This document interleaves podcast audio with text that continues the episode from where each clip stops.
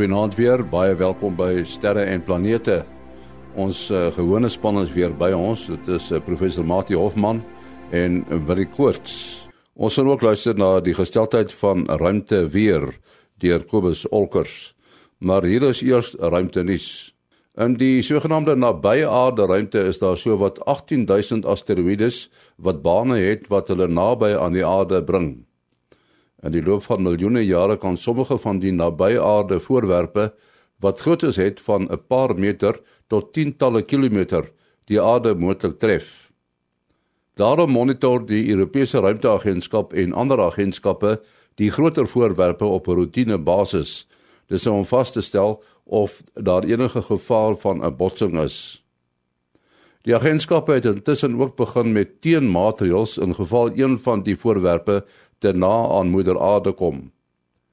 Een so 'n voorstel is NASA se sogenaamde DART projek. Dit is die Double Asteroid Redirection Test. Die wêreld se eerste ruimtetuig wat spesifiek gebou word om inkomende asteroïdes te deflekteer. Die tuig het pas sy finale ontwerp en monteerfase bereik en sal in die loop van die volgende paar jaar gelanseer word. Wanneer 'n mens begin praat oor die groei in die ruimtebedryf deur die private sektor, dan is die vooruitsigte van ruimtetoerisme 'n aspek waarna baie mense kyk. SpaceX, Virgin Galactic en Blue Origin speel al rond met die idee om kliënte na sogenaamde lae-aardse wentelbane te laat reis en om hulle selfs na die maan en Mars te neem. Afgesien van die drie ruimtereise is daar verskeie kleiner maatskappye wat ook hulle stemme begin dik maak. Een so 'n maatskappy is 'n Japannese onderneming, PD Aerospace van Nagoya, wat die moontlikheid ondersoek van kommersiële lanseringsdienste, interkontinentale vervoer en lae-aardse wentelbaanvlugte. Een van die fokuspunte van die maatskappy is die ontwikkeling van 'n unieke ruimtevliegtuig wat teen 2023 mense op lae-aardse wentelbaanvlugte sal neem. Tot sover ruimtenis. Nou, hier is Kobus Olkers met ruimte weer. Ons eerste ding wat ons wat ons nie anders kan om raak te sien nie, is 'n is 'n baie groot 'n uh, groot rugge koronagat wat nou amper besig is om van die van die son se oppervlak af te te roteer. Wat interessant is van hom is dat hy in die middel van die koronagat is daar 'n baie komplekse uh magnetiese area wat as hy nie so klein was nie nogal kommerenswaardig sou gewees het. En jou vriendie waar hier sit ons uh, met 'n nuwe ene ook, nog 'n koronagaatjie wat so binne die volgende paar dae gaan uh geo-effektief raak en wat vir ons verseker ten minste 'n G2 klas geomagnetiese stormpie gaan gee. En in die middel van hom sit daar ook 'n komplekse magnetiese area. Dit sit daar met 'n hy het, hy twee noordpole en twee suidpole wat so in mekaar ingevou sit soos soos 'n kam.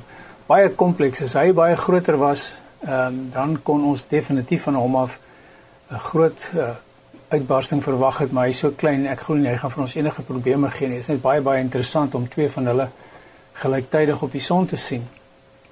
Ja, uh, dan het ons verder nog 'n nog 'n koronagaatjie wat later in die week gaan aktief raak.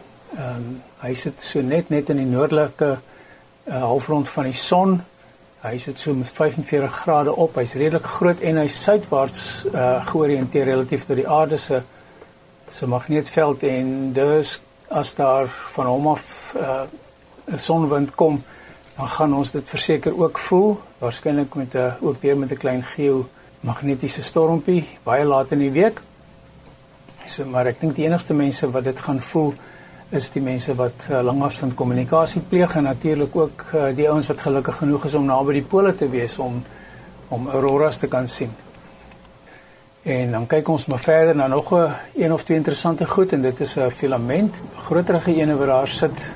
Hy's besig om van die son af te roteer. Hy, hy gaan ons nie plan nie selfs al styg hy op van die son se kant af kan dit maar net 'n 'n mooi beeld wees, maar dit gaan nie vir ons enigsins enigiets doen nie hier by ons uh, aan ons hier op die aarde nie.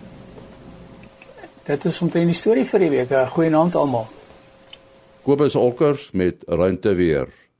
Ons het uh, weer vir Willie Koorts en vir uh, professor Mati Hofman hier by die uh, sterre en planete mikrofoon. Ons uh, wil vanaand 'n bietjie praat oor want daar's altyd verskil van mening as 'n mens oor dinge in die heelal praat. En uh hier daar by die huis weet mos nou dat ehm um, daar is is iets soos uh die uitdeiende heelal. En ek dink uh, uh Mati ons het altyd jy weet Hubble se naam genoem dat hy eintlik uh kom ons sê uitgevind het dat die dat die heelal besig is om uit te dui. Maar nou sien ek dat die ouens sê Lemaitre het net so 'n uh, groot rol gespeel in die die vaslegging van hierdie teorie. Hy is is is hy die Franse monnik of wat is dit? 'n Belgiese priester gewees en 'n 'n teoretiese fisikus. So hy het nou altoe hierdie dinge gedoen wat dit nogal merkwaardig maak. Nou Lemaitre Lemaitre uh, was 'n teoretiese ou terwyl Hubble Edwin Hubble was 'n waarnemer. Uh so nou mens elkeen se rol in die storie van die Hubble se wet moet mens nou uh, duidelik onderskei. Uh, maar ek moet nou sommer dadelik noem uh die International Astronomical Union, die IAU, het so pas in Augustus, nou enkele weke gelede, 2, 3 weke gelede, het hulle 'n resolusie goedgekeur wat voorstel dat Hubble se wet hernoem word na die Hubble Lemaitre wet wat ek dink 'n goeie weerspieëling van die van die feite sal wees. Dit was lank uh kom sê omstredenheid van hoe die geskiedenis presies verloop. Daar selfs mense wat uh beweer het uh die Engels sprekende wêreld het doelbewus Lemaitre se se werk stil gehou. Uh nou kan ons eerstens kyk na maar wat het Hubble gedoen teen 1923? Uh teen 1923 het Hubble uh aangetoon dat daar 'n uh, reglynige verband is tussen die rooi verskuiwing van die lig van 'n ver af sterrestelsels en die afstand na daardie sterrestelsels. Dit beteken ehm um, as 'n sterrestelsel 2 maal verder weg is as 'n ander een, dan gaan sy rooi verskuiwing ook 2 maal groter wees. Nou hy het nou gebruik moes maak van uh Slifer se waarnemings van 1917 want Slifer was die waarnemer wat met groot moeite die rooi verskuiwings gemeet het. En op daardie stadium was die rooi verskuiwings geïnterpreteer as 'n uh, as 'n Doppler effek wat dan sê teen samehang met die spoed waarteen daardie sterrestelsels van ons af wegbeweeg. Nou kon hulle dit 'n rooi verskuiwing. Dit beteken die lig 'n bepaalde kleur lig wat sê nou maar deur waterstof of 'n bepaalde element uitgestraal word, gaan bietjie rooier vertoon. Die golflengte gaan bietjie langer wees as wat dit sou wees as daar dieselfde ligbron op die aarde sou wees in rus relatief tot ons. So as 'n ligbron van jou af weg beweeg, dan lyk hy effektief, kom sê maar effens rooier. Hulle gebruik dit daai term want rooi lig se golflengte is langer as blou lig se golflengte. So Slifer het eintlik al 'n deel van die waarnemers gedoen, maar hy kon glad nie dit in verband bring met die afstand na daardie sterrestelsels nie. En om die afstand na sulke ver sterrestelsels te bepaal, was 'n enorme probleem. Daarvoor het Hubble die uh baanbrekerswerk van drie groot name gehad in die eerste twee dekades van die 1900s. Dit was Henrietta Leavitt, uh Hertzsprung en Shapley hulle die basis daar gestel om groot afstande op die skaal van uh, uh miljoene ligjare te kon meet. En Hubble se groot bydrae was dan om hierdie twee stelle data afstande, wel hy kon daai metode gebruik om dan afstande te bepaal. Hy moes met die grootste teleskoop op aarde op daardie stadium die op Mount Wilson die Hooker teleskoop kon hy fyn genoeg in ander sterrestelsels sien om die sogenaamde uh ehm uh, Cepheid uh, wisselsterre te kon ontdek en dit was die basis van die afstandmeting vir ver afgeleë voorwerpe. So hy het toe nou hierdie reglynige verband daar gestel. Maar Lemaitre was die eerste persoon in 1927 wat dit geïnterpreteer het as dat dit 'n aanduiding is van die uitdaging van die heelal. So hy het dit geïnterpreteer dat die golflengte van daardie ver afgeleë voorwerpe gereg het omdat die ruimte gereg het, nie omdat die voorwerpe wegbeweeg het van ons van ons af nie.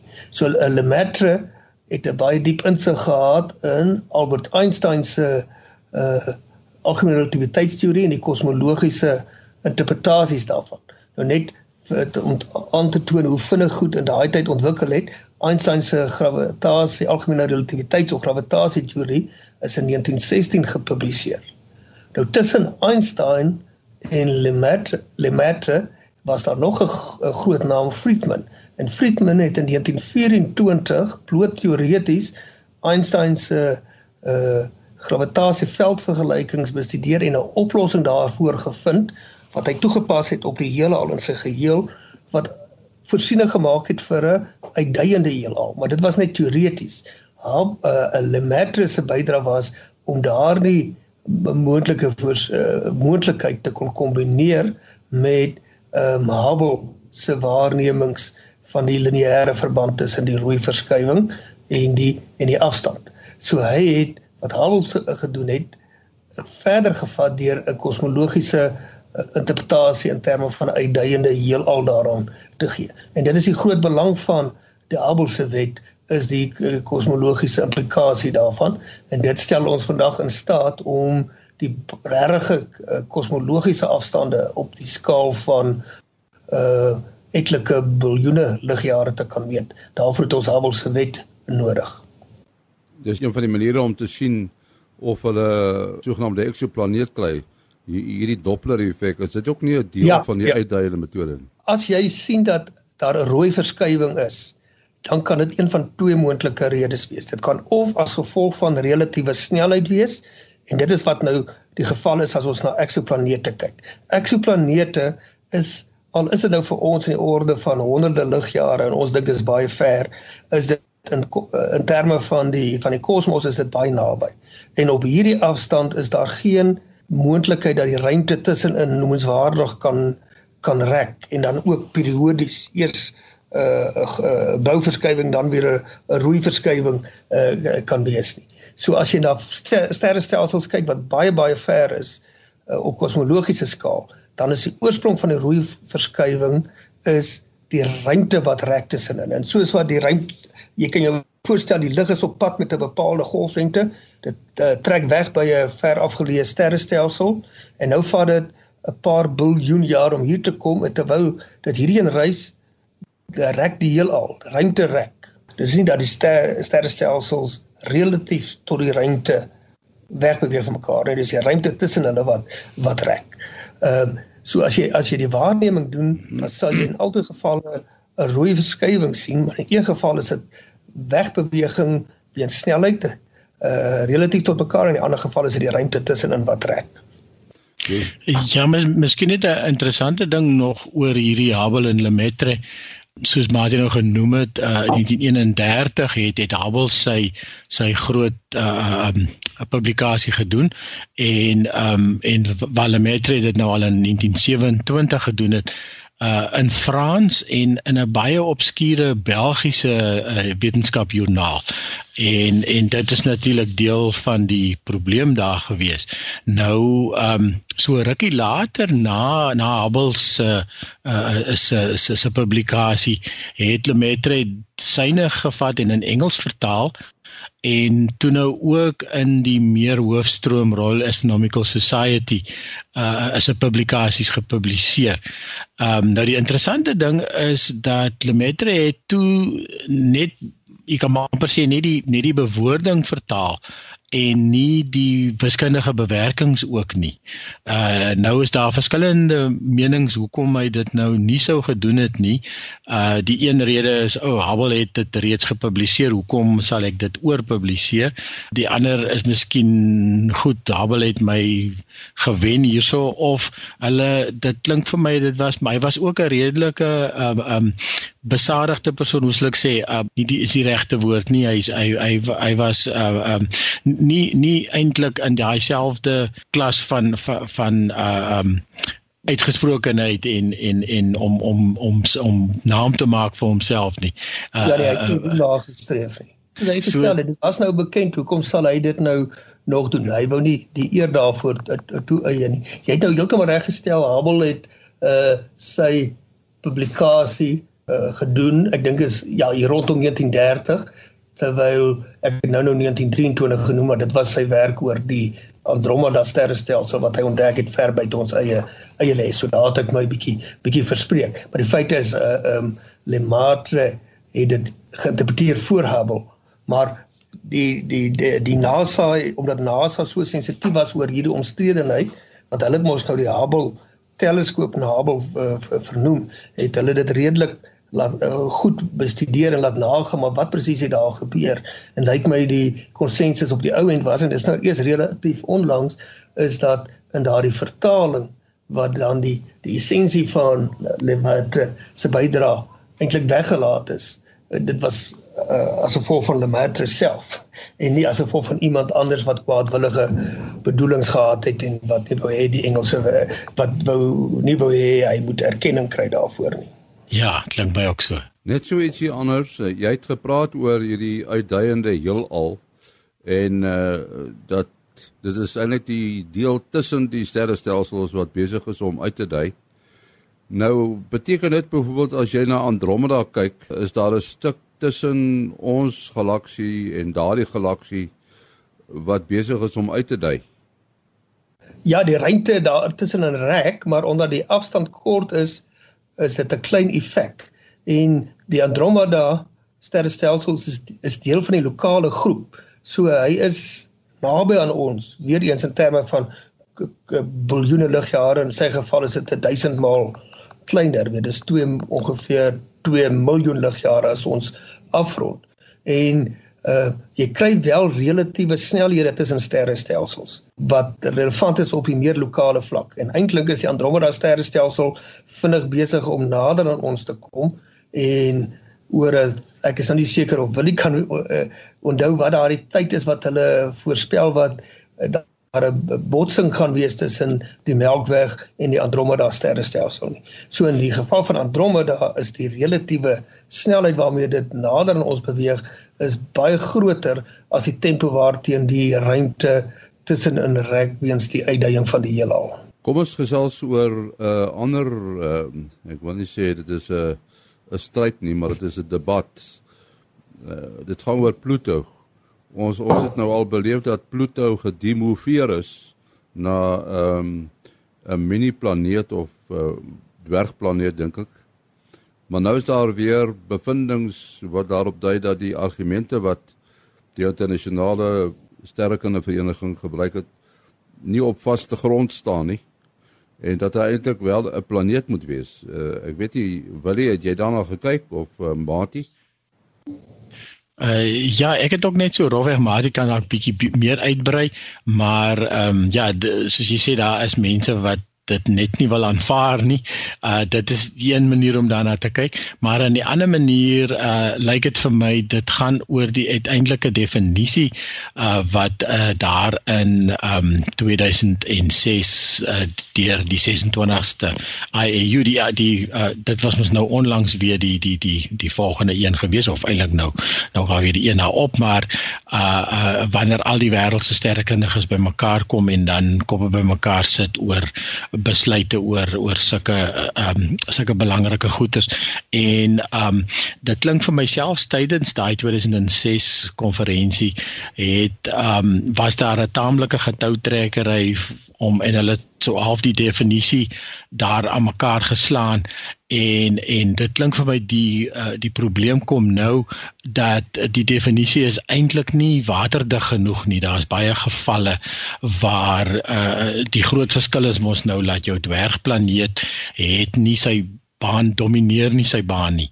Uh, uh waar jou jou groot klassieke planete uh domineer hulle baan het hulle baan basies skoon gemaak. Maar uh, selfs in Pluto se baan is daar 'n sogenaamde is 'n skaapwagter shepherding moons uh 'n maandjies wat wat uh, wat vir Jupiter volg in sy baan en ook vooruitgaan. Uh en dit is 'n dis 'n algemene tendens wat jy wat jy baie sien en hulle het ook teruggekyk in die geskiedenis en en gesien dat dit is eintlik in die 1950s Kepler uh, of Kuiper Gerard Kuiper wat van die Kuiper uh, gordel wat ons ken wat wat begin die klassifikasies begin het uh, want mense het nou allerlei goeters uh, asteroïdes en jy het uh dit maane en en dan het jy nou planete.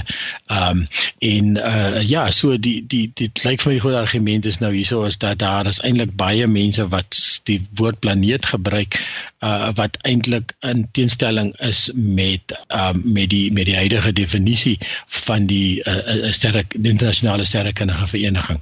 Maar ek dink maar het ook meer inligting verder daaroor. Die uh, persone wat nou argumenteer dat uh die definisie wat die IAU in uh, 20 uh 6 gebruik het en die uh, Willies daar het daar genoem uh die essensie daarvan was dat om uh, meer as 'n dwergplaneet te wees. 'n Dwergplaneet is nou iets soos Pluto en Ceres wat groot genoeg is om rond te wees. Maar behalwe daarvan moes dit dan die baan skoon gemaak, cleared. Is die die, Engelse term.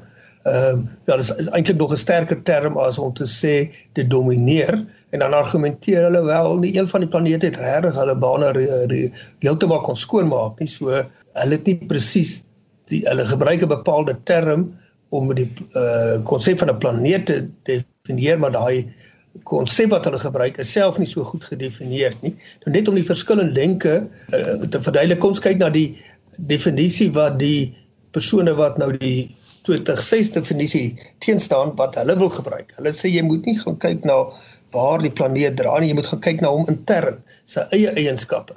En hulle stel dit so ek gaan dit maar in Engels lees, nou sodat ek nie iets essensieel uh laat uh nie noem nie. Uh, a planet is a substellar mass body that has never undergone nuclear fusion. So daardie deel onderskei dit van 'n ster and that has sufficient self-gravitation to assume a spheroidal shape. Um, wat ook vir 'n dwergplaneet geld volgens huidige definisie, uh, adequately described by a triaxial ellipsoid regardless of its orbital parameters. So dit sê die hoe dit beweeg in die baan maak nie saak nie. Dit kan dalk selfs nie eers om 'n planeet roteer nie, kan daar deur die ruimte uh, uh, reis. Nou gebruik hulle die volgende as bykomende argument. Hulle sê as jy nou na ons sonnestelsel gaan kyk, dan is die twee mees komplekse uh voorwerpe en dan uit die oogpunt van 'n planetêre wetenskaplike die interessantste is, is die aarde. Hy's baie kompleks met sy geologie en alles wat binne hom aangaan en sy atmosfeer. En dan die tweede mees komplekse wat een sou dit dan wees, nik, niks anders nie as Pluto. So Pluto het 'n uh, heel moontlike uh, on, uh, onder sy oppervlakte oseaan. Hy het 'n uh, uh, atmosfeer met uh, verskillende lae. So is eintlik 'n baie interessante planeet. En nou sê hulle die ouens het 'n relatief arbitreëre definisie of uh, kom sê 'n definisie met 'n swak punt in gebruik om nou hierdie baie interessante die tweede interessantste planeet volgens hulle siening dan uitreageer. So ek dink dit gaan so 'n bietjie oor die statusvermindering wat dan nou met hulle navorsing gepaard gaan. Een van daardie wetenskaplikes is die baie bekende Alan Stern wat die uh, leier was van daardie fantastiese New Horizons sending wat dan nou geweldige klomp klomp fascinerende ontdekkings oor Pluto uh, gemaak het. So dit sal nou nog interessant wees hoe hierdie debat ehm uh, verder uh, geneem word. Maar nou ook as mense nou op 'n bepaalde manier na hierdie saak kyk en ons uh ons sien nou gereeld daar in ons planetarium as ons na die sonnestelsel met die bane van die planete voorstel, uh dan die agt planete wat nou as planete erken word, roteer almal in dieselfde uh vlak. So mens sien dit nou baie mooi daar as jy nou die driedimensionele voorstelling kry. En Pluto se baan is heeltemal gekantel. So as mens dit as oorweging sou gebruik, maar dan dan lyk Pluto of hy heeltemal 'n ander familie is. Ehm um, maar hulle sê ons moet nie na die bane kyk nie, ons moet na die interne eienskappe van daardie voorwerp kyk. Maar al wat duidelik is dat Pluto het heeltemal 'n ander geskiedenis as die agt uh ander planete tot en met Neptunus. Ja, ek het nou ook al gewonder as as jy nou hierdie ouens se definisie vat, gaan baie van die planete se maane uh Jupiter se groot maane en so gaan hulle dan nie ook uh, eintlik plan, planeetstatus kan hê nie. Ehm um, wat wat eintlik is 'n snaakse manier is om om dit te te, definieer. So soos ja, jy sê. Hulle ja, ja, maar hulle noem hulle noem dan juist vroeër in die geskiedenis het die mense met gemak van Europa en mm. Titan gepraat asof dit planete is. So dis die ja. implikasie daarvan as jy die bane as 'n maatstaf weggooi, dan gaan ons gaan ons met baie planete sit en dis wat die ander ouens nou wil verhoed. Hulle wil dalk nie hê die die kinders moet op skool soveel name hoef te leer nie. Nou vir net baie baie baie lang lang rympie hoef hoef uit te dink. Ja, ja, want dit klink my dit is jy Skyper wat wat begin orde skep het in hierdie chaos en en begin begin sê dit kom ons sit die goeders bymekaar. En uh um ja, so uh, soos jy sê ja, dit is dit is amper asof die ouens klou aan die ding want mense kan ook nie eintlik dink dit maak nie eintlik saak as wat Pluto geklassifiseer is nie. Hy gaan nog altyd baie interessant bly. Ja, ja en, en en en hy kan dan hy kan dan nou maar die mees fascinerende dwergplaneet ook wees. ja, ja. Ja, en dan ook jou liggaam as jy dit dan so wil st is te stel, maar uh uh um, ja, dit is net interessant dat dat die dat daar is nog al 'n hele as hele klomp en, en die die gevoel lyk like vir my trek nogal ver. Baie mense wat niks daarvan weet nie en dan ook mense wat vreeslik baie daarvan weet soos hierdie lot. Ons moet afsluit. Uh, Willie, wat is jou besonderhede? Ja, mense kan bel WhatsApp of SMS 07245 79 208 En dan Mati? Uh 083 625 7154. 083 625 7154. En dan by e-posadres maas.henny@gmail.com. maas.henny@gmail.com. Volgende week is ons terug. Tot dan, alles van die beste.